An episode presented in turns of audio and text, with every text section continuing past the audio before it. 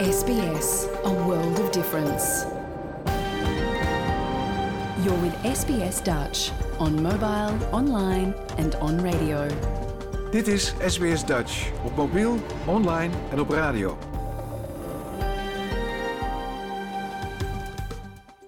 Graag erkennen wij de traditionele eigenaren en verzorgers van het land van waar we vandaag SBS Dutch uitzenden en uiten we ons respect aan de Camaragal mensen van de Kurungay Nation en hun ouderlingen uit het heden en het verleden. Ook kennen we de traditionele eigenaren van alle Aboriginal en Torres Strait Islander landen van waar u vandaag naar ons programma luistert.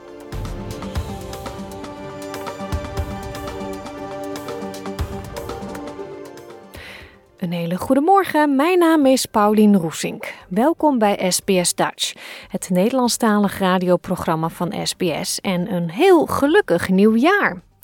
2024 is drie dagen oud en ik kijk enorm uit naar de mooie verhalen en series die dit jaar gaan brengen. De SBS Dutch redactie geniet deze week nog even van een welverdiende vakantie, maar toch hoeft u ons niet te missen. Met nog drie provincies te gaan komt het einde van onze serie De 12 Provinciën wel in zicht. Maar zover is het gelukkig nog niet. We gaan vandaag nog op bezoek in Flevoland. Verder hebben we een uitgebreid en interessant gesprek voor u met fietsprofessor Marco te Brummelstroet. Hij was in september vorig jaar in Australië en heeft al fietsend de straten van enkele van onze grote steden bestudeerd. Wat hem opviel tijdens die fietsritjes hoort u straks. Maar eerst dat was Willeke Alberti met Gelukkig Nieuwjaar, de Nederlandstalige uitvoering van de grote ABBA-hit Happy New Year. Nederland en Indonesië vierden in juli vorig jaar de terugkeer van een tal van culturele artefacten. De voorwerpen, waarvan de meeste deel uitmaakten van de zogenoemde Lombok-schat, die in 1894 werd buitgemaakt door het Nederlands-Indische leger op het eiland Lombok, werden officieel teruggegeven aan Indonesië tijdens een ceremonie in Museum Volkenkunde in Leiden. Dit is SBS Dutch. Hilmar Farid is directeur-generaal cultureel erfgoed van het Indonesische ministerie van Cultuur. Um, we are really delighted. No, um, this is a very historical moment for both of us. I think Indonesia and Netherlands, and the relationship between the two. But I think what we have achieved so far is also a very um, significant contribution to the global debate yeah, about returning of colonial objects. Dat wereldwijde debat concentreert zich vaak op aanhoudende spanningen tussen Griekenland en het British Museum over het behoud door het museum van de oude marmeren artefacten die aan het begin van de 19e eeuw door Lord Elgin van de Acropolis zijn verwijderd. De heer Farid beschrijft de culturele en symbolische waarde van de Indonesische items. Yeah, we consider these objects as um, missing items in our historical narrative. Um, and of course, uh, they play uh, different roles symbolically, culturally. Um, for example, um, these statues that standing behind me, they have um, a particular role in rituals. So bringing them back, uh, meaning that we would reintegrate them into their cultural context. Um, and that is of course of symbolic importance to us. De Nederlandse staatssecretaris van Cultuur en Media, Gunay Oesloe, spreekt over het belang van deze teruggave. So it's a historical important uh, moment, not only for uh, I think the Netherlands and Indonesia, it's also an important uh, uh moment for the world because uh, it, it's about colonial objects in a colonial context. So uh, it's a sensitive topic, and now we are with Indonesia and the Netherlands, we're together. Um, um, also looking forward and, and giving objects back, doing research, working together, and uh, also exchange museum professionals. So it's yes, the history, and uh, but it's also the future. De Nederlandse regering kondigde vorige week de teruggave aan van de Indonesische schatten en geroofde kunstvoorwerpen uit Sri Lanka. Het teruggeven van zogenaamde roofkunst gebeurt wereldwijd steeds vaker. Een Berlijns museum kondigde in januari aan dat het klaar is om honderden menselijke schedels uit de voormalige Duitse kolonie Oost-Afrika terug te geven. In 2021 zei Frankrijk dat het standbeelden, koninklijke tronen en heilige altaren uit de West-Afrikaanse natie Benin zou teruggeven. En vorig jaar gaf België een met goud bedekte tand van de gedode Congolese onafhankelijkheidsheld Patrice Lumumba terug. Lilian Gonçalves Ho Yu is een Surinaamse mensenrechtenactivist die in Nederland woont en werkt. Ze vertelt over het lijden dat de koloniale tijd heeft aangericht. It's important to acknowledge the past. It's important to recognize that in colonial times um, uh, people were subordinated and they, there was a lot of suffering. But that is not enough. You should show that you are willing to rectify historical injustice as much as you can. Dit was een verhaal gemaakt door Essam El Galib voor SBS Nieuws en door ons SBS Dutch vertaald in het Nederlands. Nederland is misschien niet zo groot qua oppervlakte, toch is het land opgedeeld in een twaalftal provincies. En ook al zit er slechts 300 kilometer tussen Noord en Zuid, het verschil tussen de provincies is toch nog best wel groot. In de podcastseries De 12 Provinciën leren we die Nederlandse provincies beter kennen, dankzij de verhalen en herinneringen van in Australië woonachtige Nederlanders. Deze aflevering gaat over Flevoland. SBS Dutch op radio, online en op je mobiele telefoon. Flevoland is een provincie in het midden van Nederland. De geschiedenis van Flevoland is uniek, want waar vind je nu een gebied dat 100 jaar geleden nog zee was? Flevoland is de jongste en qua landoppervlakte kleinste van de 12 provincies. Hoofdstad Lelystad is vernoemd naar ingenieur Cornelis Lely. Hij maakte al in 1891 een plan tot afsluiting en droogmaking van de Zuiderzee. Het was een groot project waar eigenlijk geen geld voor was. Maar na meerdere overstromingen en een dreigend voedseltekort tijdens de Eerste Wereldoorlog werd duidelijk dat er echt meer landbouwgrond nodig was. De regering vond dat het voor de veiligheid van Nederland beter zou zijn als de Zuiderzee zou worden afgesloten en drooggelegd. De vissers uit de dorpen rond de Zuiderzee waren het hier uiteraard niet mee eens, omdat zij werkeloos zouden worden. Uiteindelijk kregen vele vissers een schadevergoeding. De Zuiderzee kreeg na de aanleg van de afsluitdijk in 1932 een nieuwe naam, het IJsselmeer. Er kon eindelijk worden begonnen met het droogleggen van de polders. Dit is een fragment uit het Polygoonjournaal van 1959. Nederlands nieuwste grondgebied, de polder Oostelijk Flevoland, valt langzaam droog. Op verschillende plaatsen is men reeds begonnen met het in kaart brengen van de bodem. Met behulp van holle wandelstokken worden om de 100 meter grondmonsters genomen. Door dit grondige onderzoek krijgt men een nauwkeurig beeld van de samenstelling van de bodem, hetgeen voor de toekomstige exploitatie van de polder van groot belang is. In 1967 kwamen de eerste gekozen bewoners naar Flevoland. Ja, dat hoorde je goed. De bewoners werden gekozen aan de hand van strenge selectiecriteria. Er moest een perfecte doorsnee van de Nederlandse bevolking wonen, dus mensen uit alle windstreken en met alle geloven. Ook moest je getrouwd zijn, Nederlands zijn en tussen de 25 en 55 jaar zijn. Wie als landbouwer wilde werken, moest een agrarische opleiding hebben gehad. Er vonden zelfs huisbezoeken plaats om de toekomstige bewoners te controleren op netheid. Op 1 januari 1986 werd Flevoland officieel de nieuwste en twaalfde provincie van Nederland. De provincie is voor een groot deel omringd door water en kenmerkt zich door vele open ruimte en een superstrakke indeling. Het bestaat uit twee delen: de Noordoostpolder, dat een voortzetting is van het vasteland, en de Flevopolder, het grootste kunstmatige eiland ter wereld. De Flevopolder is met bruggen, een spoortunnel en een dijk verbonden met het vasteland. De provincie ligt trouwens gemiddeld ongeveer 5 meter onder zeeniveau. Flevoland is opgedeeld in zes gemeenten.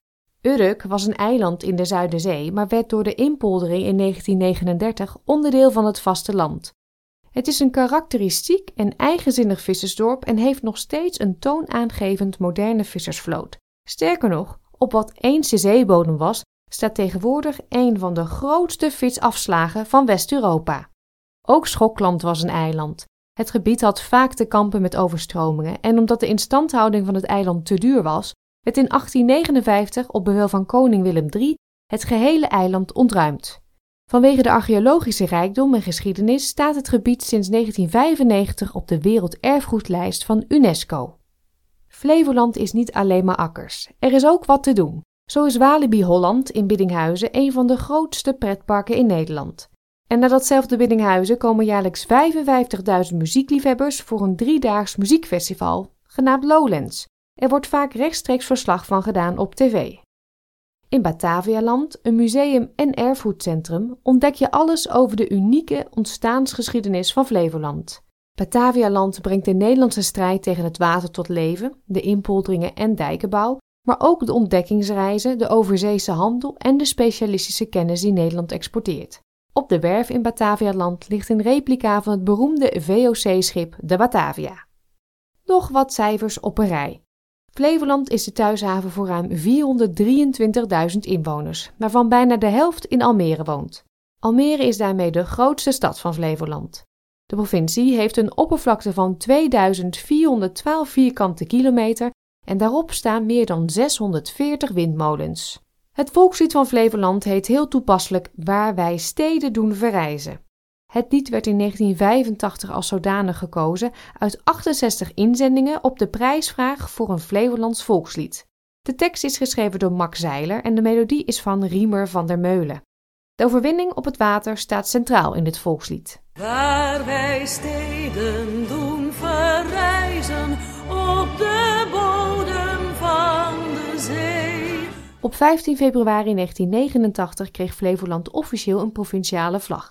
Hij bestaat uit twee brede horizontale banen in de kleuren blauw en groen, die door een smalle, golvende gele baan van elkaar gescheiden worden.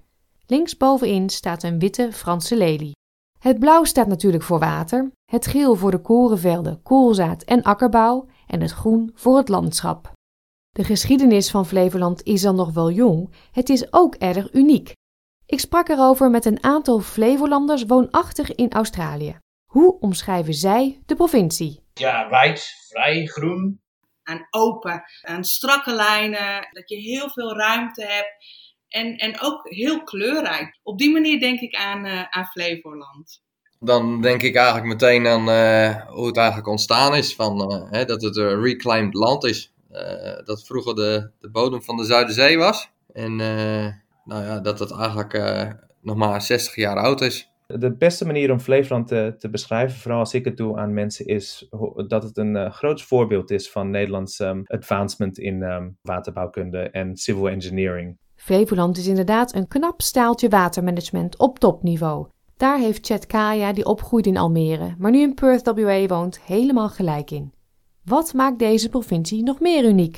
Het is ontworpen op de tekentafel, dus dat, is, dat vind ik heel bijzonder.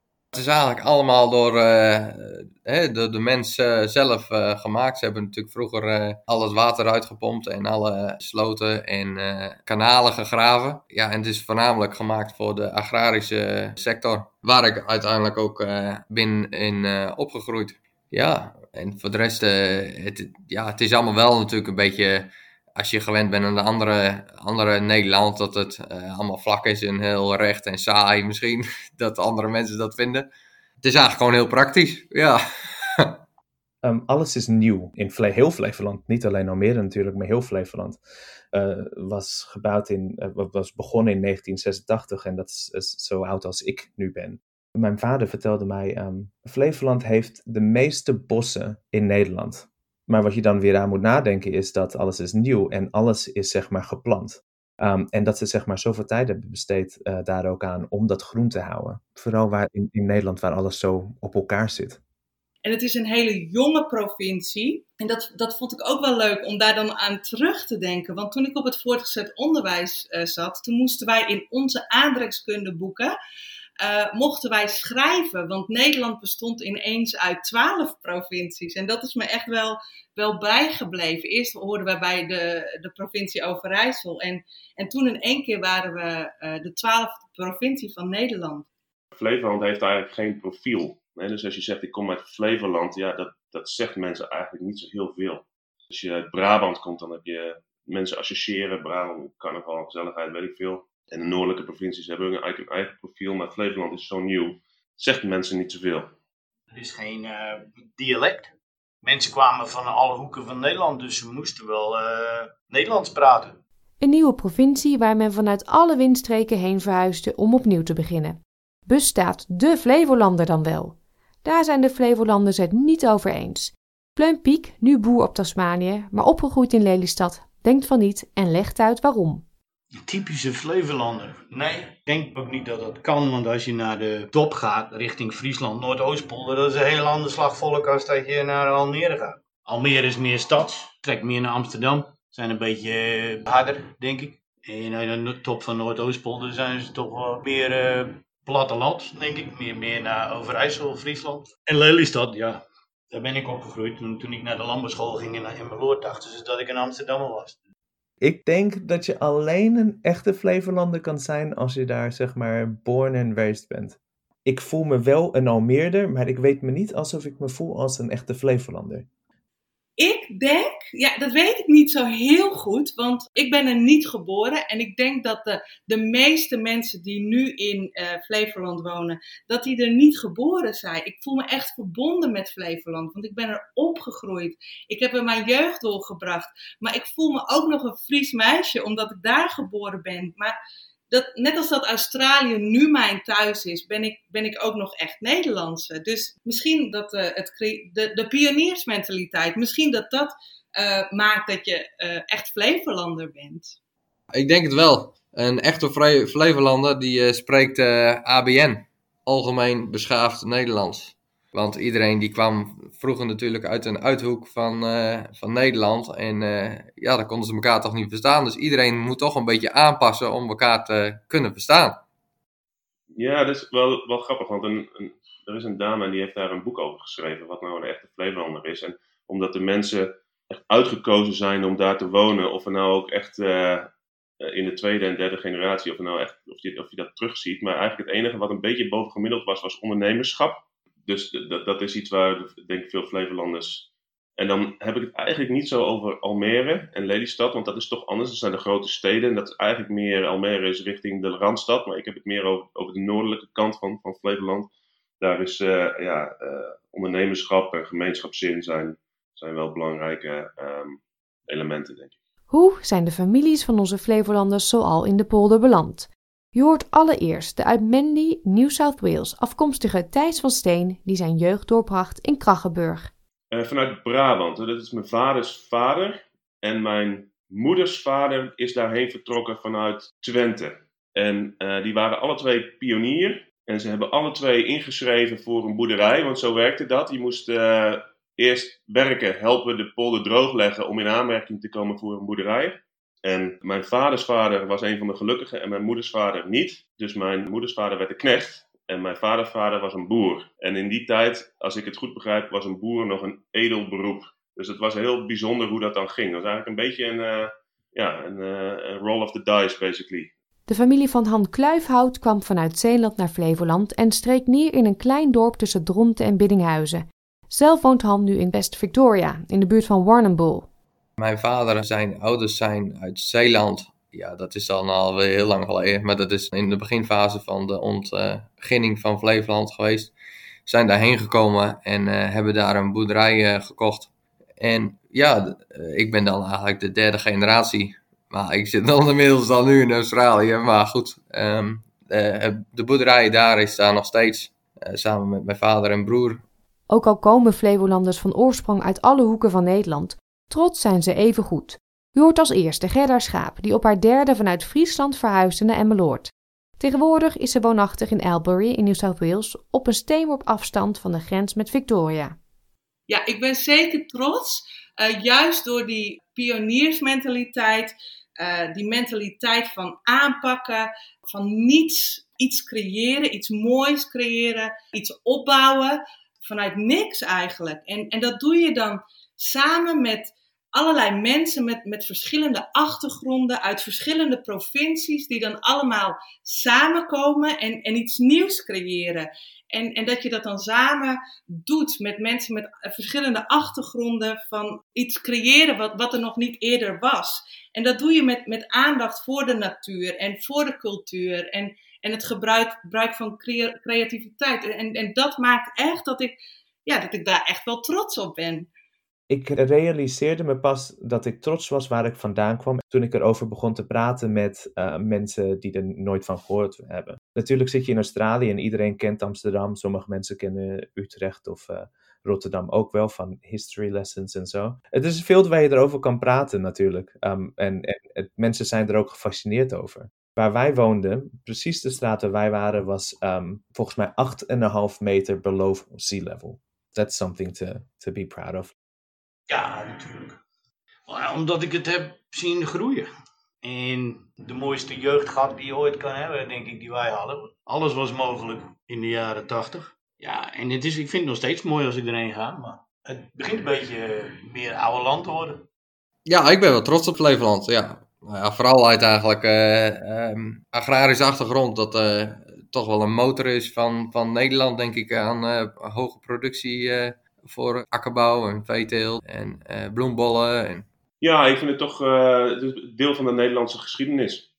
dus land terughalen van de zee. Ik heb er best wel veel over gelezen, over hoe dat ging. het was natuurlijk tijdens de oorlog, de drooglegging, hoe, hoe het land is ontworpen eigenlijk. Want Flevoland is echt gewoon op de tekentafel ontworpen. Een soort van poging tot de perfecte samenleving. Ja, dat is uniek, denk ik, in, in de wereld. En dan is het nu tijd voor de jeugdherinneringen. Vanaf mijn zestiende tot mijn 32e, denk ik. Uitgaan, uitgaan en feestvieren. Dat is de Flevopolder. Nou, de schuren van alle akkerbouwers, die zitten in winters vol met uien en aardappels. En dan tegen in mei, ongeveer, want de schoolvakanties beginnen, waren de schuren leeg. Dus ging de bezem er doorheen en een bar erin. 10 gulden intree en gratis drinken. En dan was elk weekend wel een andere schuur los. Dus ja, we hadden, we hadden lol genoeg. Ik ben in het dorp geboren, uh, in de Noordoostpolder. En ik ging uh, naar de middelbare school in Emmeloord. En dat was uh, ehm, 14 kilometer fietsen, eh, enkele reis. En dat had lange kaarsrechte wegen met harde wind en soms soms regen. dus ik heb ze wel vervloekt in die tijd, maar ook wel weer prachtig.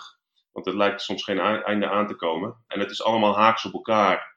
Alle kavels zijn, zijn kaarsrecht. En, en dat is denk ik wat mij het meest bijstaat uh, uit die tijd. En ook hoe blij ik was toen ik uiteindelijk 16 was en een brommer uh, kreeg. Want dat, uh, ja, dat scheelde nogal natuurlijk met de reistijd van de naschool en, en de moeite. Ik woonde in Almere in de muziekwijk. Alle straten waren, waren genaamd naar um, beroemde muzikanten en zo. In de history, Yuri Egroff was een, een beroemde pianist volgens mij, of een composer. En iedereen kende elkaar daar.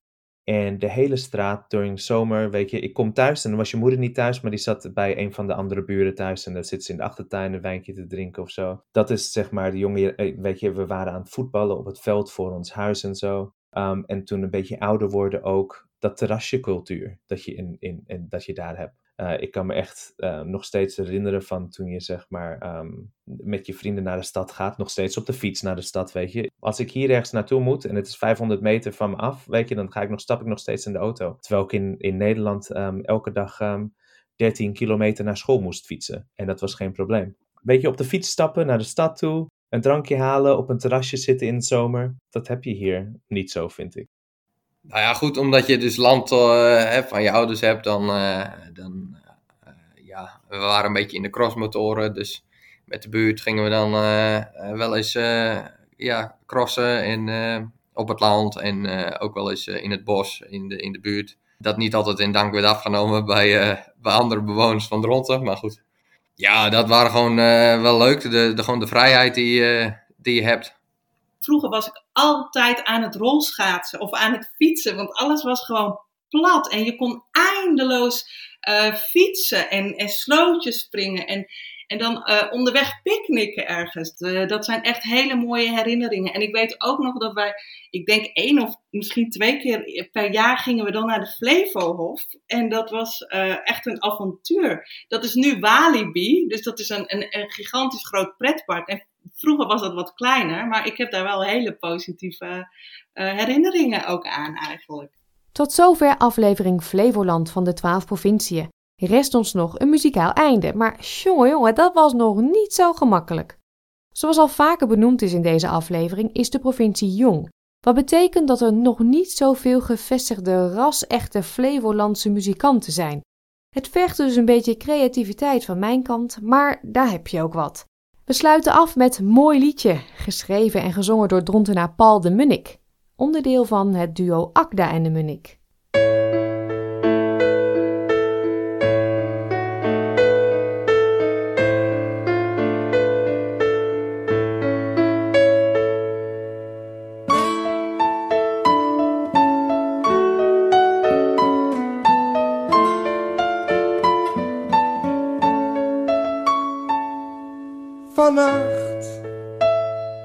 Als ik alleen ben,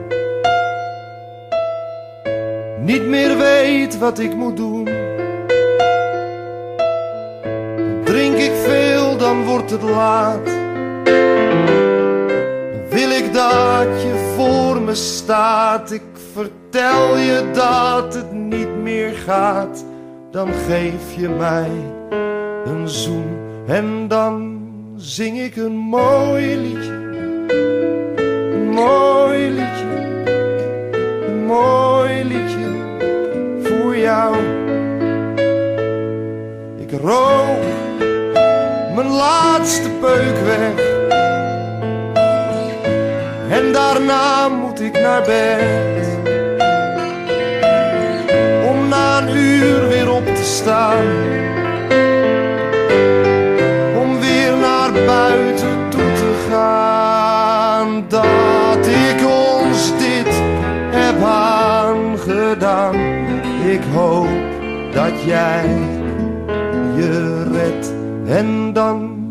Zing ik een mooi liedje.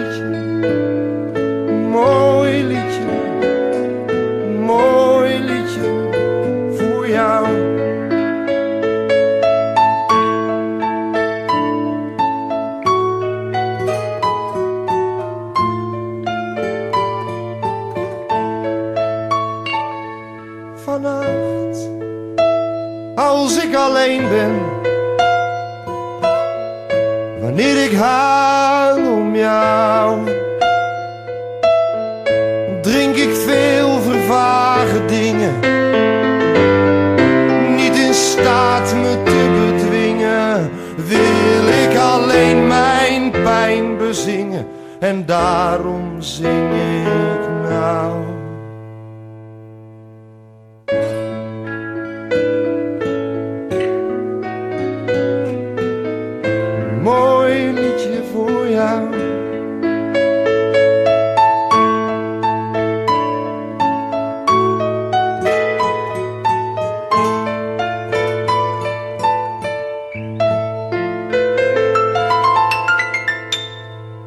Voor de andere provincies naar onze website www.sbs.com.au/dutch of zoek ons op in je favoriete podcastplayer.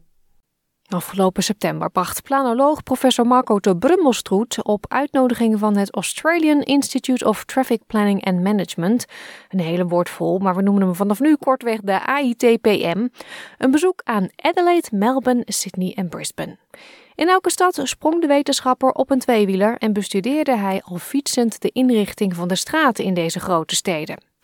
In november belden we met Marco, die ook wel bekend staat als de fietsprofessor.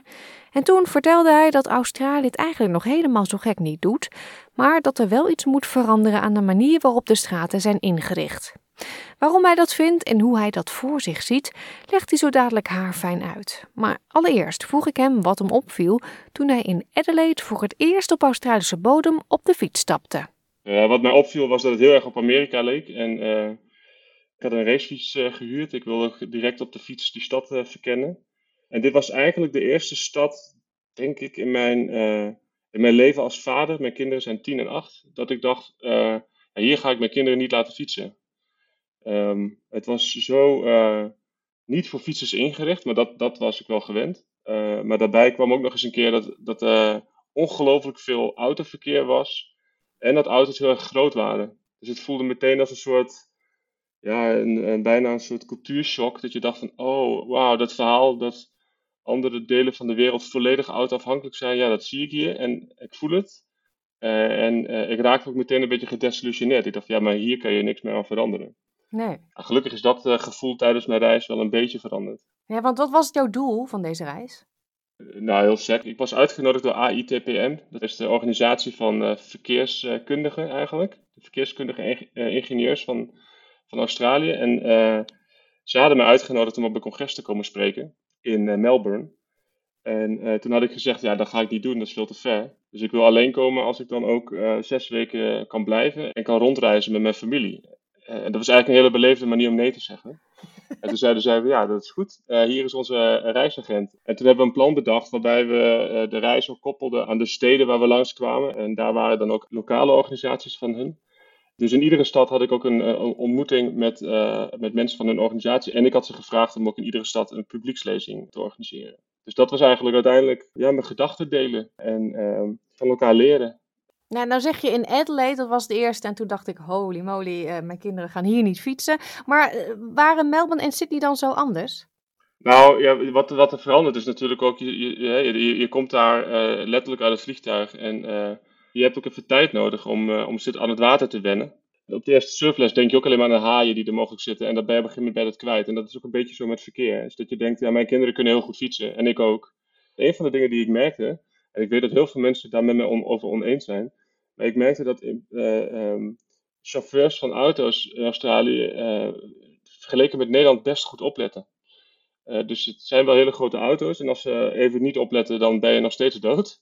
Maar ik vond dat ze opmerkelijk weinig op hun telefoon zaten, bijvoorbeeld. En um, je werd wel eens echt over het hoofd gezien. Maar wat ik in Nederland ervaar was veel meer ja, soort agressie. Ook um, in het dagelijks verkeer. Dus zodra ik daar een beetje meer gevoel van had. En toen ik begreep dat linksfietsen helemaal niet zo eng, eng was. Toen zijn we uiteindelijk wel in Melbourne en Sydney en Brisbane hebben we wel met de hele familie gefietst. Ja, ik ben net even twee weken weer in Nederland geweest na vijf jaar. En ik dacht, oh jee, ik moet ogen overal Ja. hebben. Want die fietsers komen van links naar rechts. Dan hebben ze haaientanden, dan niet. Ook al hebben ze haaientanden, dan maakt dat ze dat niet altijd evenveel uit. Ze rijden door. Ik vond dat echt wel, oeh. Ja, kijk, dan raak je ook een beetje de kennis. Dus dat moet je dan vaak uitleggen. Van dat is het, het verschil tussen eh, eng zijn en dodelijk zijn. Want eh, fietsers rijden elkaar niet dood. Dus het ergste wat er kan gebeuren in de meeste gevallen is eh, een deuk in je ego of een kras op je fiets. Wat wij wel eens zeggen, de dans van spreeuwen. Het is wel een goede vergelijking. Ja. Je komt eigenlijk met een soort ganzenlogica kom je in Nederland. Want je hebt, je hebt eigenlijk de hele tijd in die auto gezeten. En de straat is ingericht. Het is allemaal duidelijk. Iedereen houdt zich uh, enigszins aan de regels. Uh, anders werkt het niet. Hè. Dus net als dat ganzen heel ver moeten gaan vliegen. En dan kom je ineens in Utrecht of, uh, of Amsterdam. En, de, en de logica van fietsers is veel meer de logica van spreeuwen.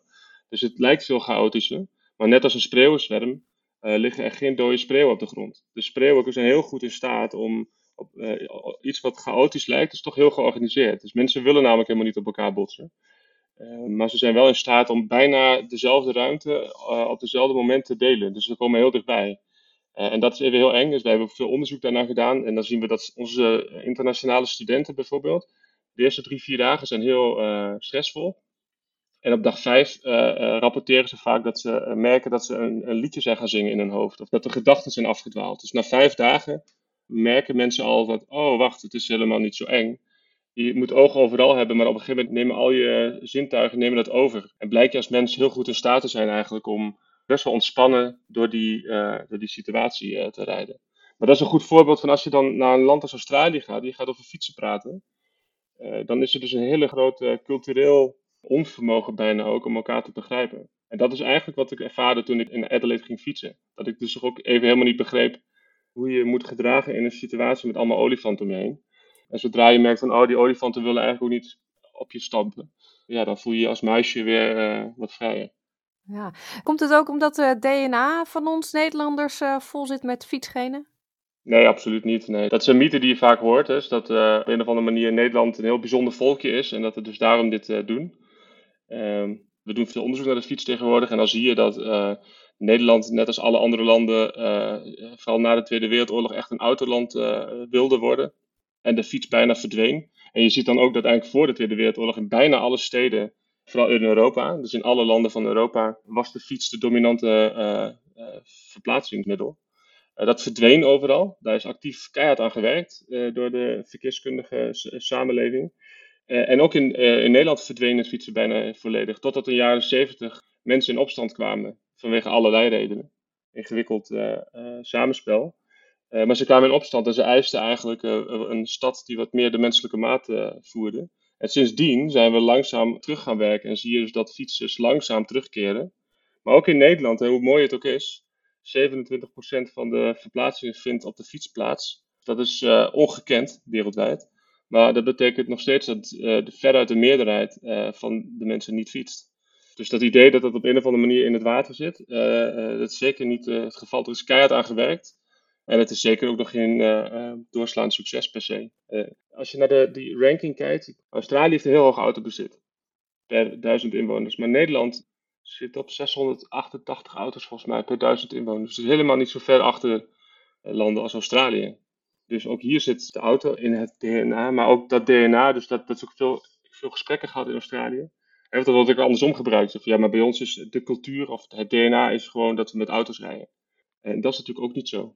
Ik heb het idee hier in Sydney dat ze niet echt uh, gek zijn op fietsers. Dat ze die liever aanrijden dan eromheen rijden, bij wijze van. Ja, nou, dat is ook een heel interessante rabbit hole om in te duiken. Dus, ten eerste moet je dan beseffen dat die, die autocultuur zoals we die nu kennen, en de autoafhankelijkheid die Australiërs ervaren, die is gemaakt. Die is vrij recent. Uh, die is de laatste 70 jaar act is actief aan gewerkt. Die cultuur die bestaat dus ook niet. Hè. Dat is allemaal bedachte cultuur. Dat is autofabrikanten. Kijk maar eens naar gemiddelde autoreclame, wat ze daar verkopen. dus dat is gemaakt. En dat betekent ook dat het kan veranderen. Dus dat is geen reden om niet te veranderen. Um, en wat ik interessant vind, en daar hebben we veel gesprekken over gevoerd, is dat op het moment dat je gaat ook zien dat die autoafhankelijke samenleving die er nu is, uh, in grote delen, of eigenlijk overal in Australië, dat is dus ook een resultaat van bepaalde keuzes om op een bepaalde manier naar mobiliteit te kijken. 70 jaar lang. Uh, daarvoor was dat niet zo, 70 jaar geleden. En de twee belangrijkste dingen zijn, mensen zijn uh, individuen en worden gelukkig als ze hun eigen nut maximaliseren. Dat is de eerste aanname. Dus iedereen moet vooral zich eigen, zijn eigen dingetjes kunnen doen.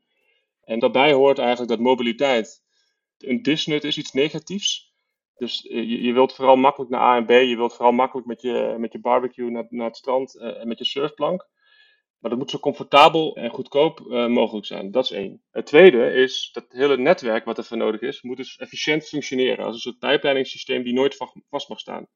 En die twee waardes, die twee wereldbeelden, die hebben geleid tot de wereld zoals we dit nu kennen. En dan uh, de fiets en de fietser bevraagt dat. Of is eigenlijk een soort. Uh, ik denk dat, dat de agressie verklaart is dat het een soort van. Ja, het laat mensen eigenlijk zien van ja, dat, dat die. Het, het, is vergelijkbaar met bijvoorbeeld roken of met. in Nederland met de Zwarte Piet discussie dat we ineens geconfronteerd worden met dat die keuzes die wij voor lief nemen, dat die misschien wel helemaal niet goed zijn. En op het moment dat je daarover bevraagd wordt, dan voel je je als een soort boosdoener en dan ga je dus ook heel agressief reageren. En bij het fietsen en, het, en auto's heb ik datzelfde gevoel. Is dat een fietser eigenlijk impliciet aangeeft van ik ben moreel superieur of zo. en dat raakt mensen heel diep. En die voelen zich daardoor aangevallen. Ja, als het daar dan zijn er dus twee belangrijke lessen die, uh, waar we het veel over hebben gehad. Dus één is als je dus bedenkt dat die, dat systeem wat we gemaakt hebben rondom die autoafhankelijkheid, dat dat gemaakt is. Maar dat we ook heel goed zien, vooral in Australië, dat dat systeem ook niet volhoudbaar is. Kijk alleen maar in Sydney of Melbourne hoeveel beton, uh, staal en, uh, en asfalt er nodig is en nodig blijft om het systeem draaiende te houden. Ja, dat is er gewoon niet meer op lange termijn. Dus die grondstoffen raken op. Eh, en niet alleen de grondstoffen, maar dat systeem leidt ook iedere dag tot drie doden in Australië. Dus drie mensen komen om het leven elke dag in het verkeer. Honderden, zo niet duizenden, misschien wel tienduizenden kangoeroes per dag. Koala's, de natuur heeft onder te lijden, dan gaan we door. Dus we weten eigenlijk dat het systeem niet verhoudbaar is, dat we eigenlijk moeten veranderen op termijn, een keer. Dat is één. En we weten dus ook dat uh, die verandering, als je die framet als we moeten van de, van de auto naar de fiets, dat gaat niet werken. Dus dat, dat roept de vraag op, ja, hoe gaan we dan met elkaar het gesprek aan om toch die noodzakelijke verandering in gang te gaan zetten? Ja, hoe gaan we dat doen? Dat is een hele goede vraag en daar geeft Marco de Brommelstroet zo dadelijk zelf antwoord op. Nu eerst muziek van Gers Pardoel samen met rapper Sef. Dit is Bagagedrager. Voor de break hoorde u Marco de Brummelstroet vertellen over de gemaakte autoafhankelijkheid in Australië en dat doorgaan op de huidige manier om meerdere redenen niet vol te houden is. Er moet dus iets veranderen, maar mensen zijn best lastig uit hun auto te krijgen. Dus hoe kunnen we die verandering in gang brengen?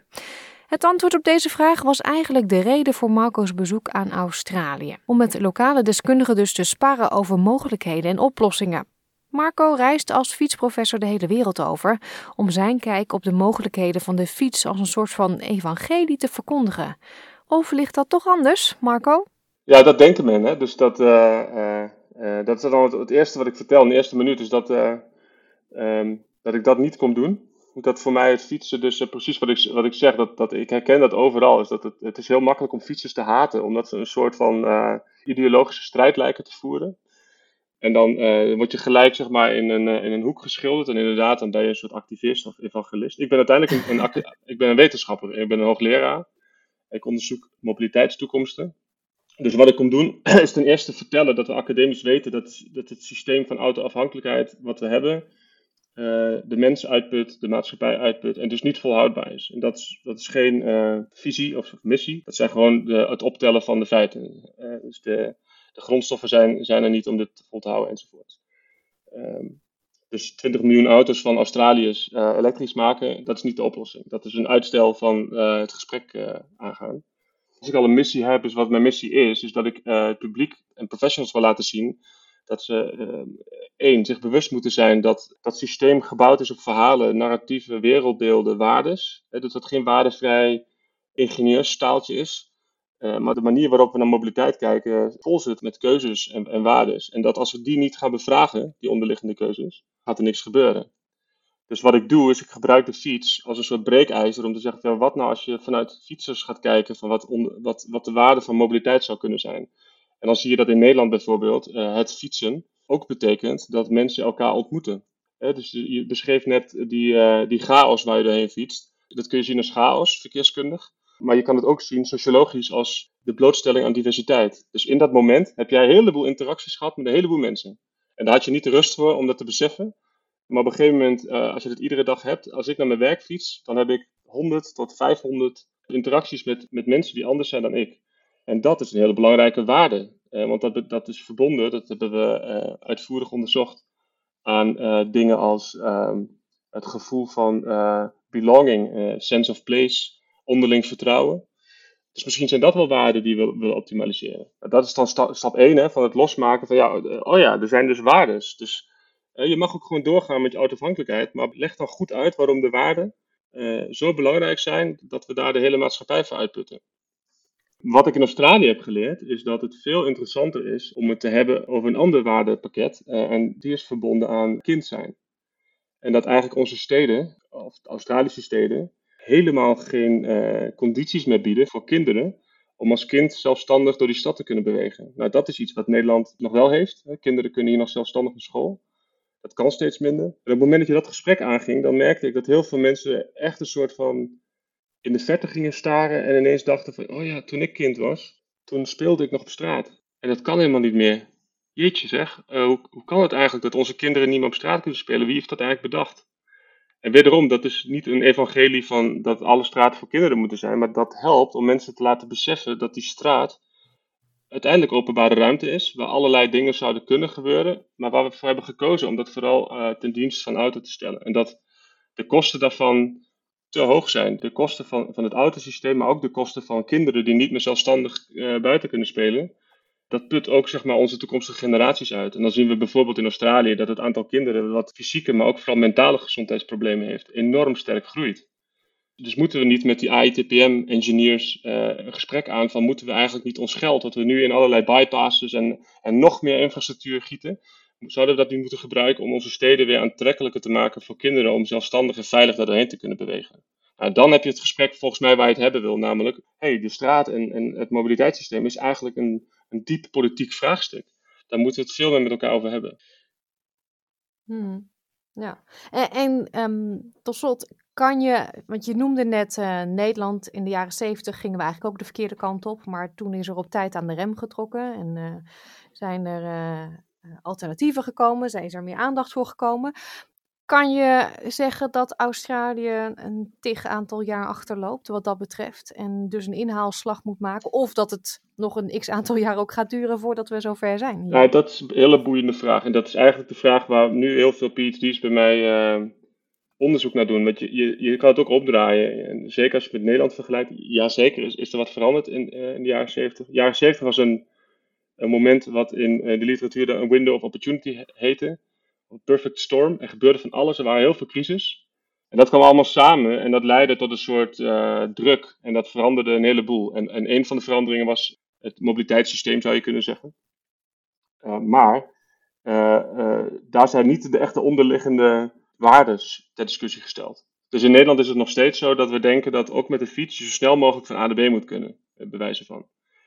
Uh, en daardoor zijn ook steeds meer fietspaden niet meer aantrekkelijk voor kinderen. We zien nu dat uh, ouderen bijvoorbeeld in steden in Nederland uh, afhaken, omdat een heleboel e-bikes, speed en die complexiteit groeit. En daar hebben we geen goed antwoord op, omdat ook degenen die het antwoord op moeten geven, zijn nog steeds de verkeerskundigen. Wat je ziet, er is dezelfde mate van crisis die op ons afkomen. En Australië heeft denk ik de neiging om daar wat langer, zeg maar, die crisis wat langer te kunnen negeren. Eh, door de afgelegen ligging en door ook de cultuur en de ruimte die er is. Maar ook die crisis die komen daar ook. Hè. Bijvoorbeeld mentale gezondheidsproblemen van kinderen, uh, zie je al. Nou, die, die gaan op moment die druk veroorzaken. En op het moment dat dat punt komt, dan kun je dus of Nederland volgen. Uh, dat vertel ik ook. En dan nou, op mobiliteitsgebied kun je dan 27% van je ritten uiteindelijk op de fiets krijgen. Want dat is in Nederland al, al 30 jaar stabiel. Uh, maar nog steeds in een auto-gedomineerd systeem. En nog steeds is een, is een Nederlandse fietsstraat geen plek waar kinderen cricket op straat kunnen spelen. Of je kan zeggen, ik kijk nu naar steden als Barcelona, uh, Parijs, vooral. Uh, dat zijn echt de voorbeelden. Die dat moment gebruiken om te zeggen, we moeten echt heel radicaal anders gaan nadenken. Want dat heeft Nederland niet gedaan.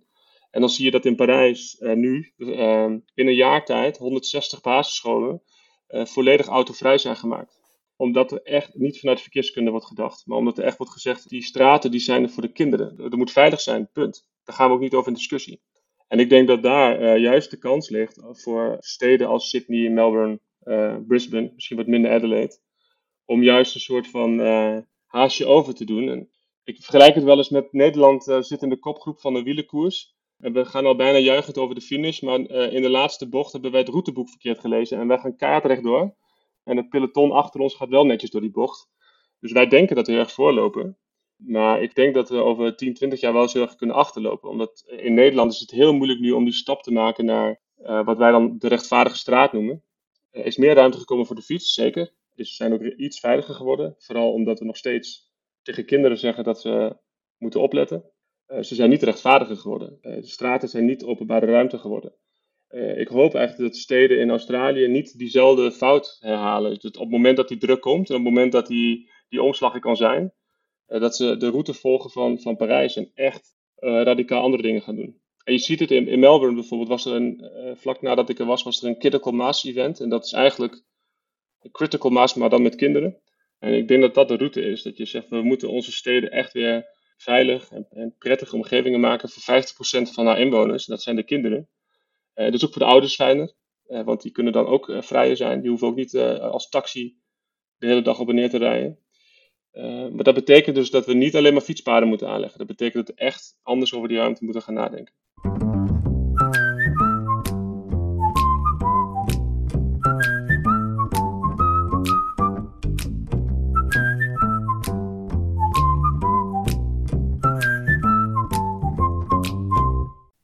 Tot zover deze aflevering van SBS Dutch. Al onze uitzendingen en podcastseries, zoals de 12 provinciën, Australië tot nu toe en de Podcast Podcast, zijn te beluisteren op onze website www.sbs.com.au/dutch. U kunt ook de gratis SBS Audio app downloaden. Dit kan in Google Play of in de App Store en is heel handig voor op uw telefoon of tablet. We zijn ook te volgen op Facebook www.facebook.com/sbsdutch. We sluiten vandaag af met Suzanne Freek en Snelle en hun liedje De Overkant. Ik wens u een fijne middag. Like, deel, geef je reactie. Volg SBS Dutch op Facebook.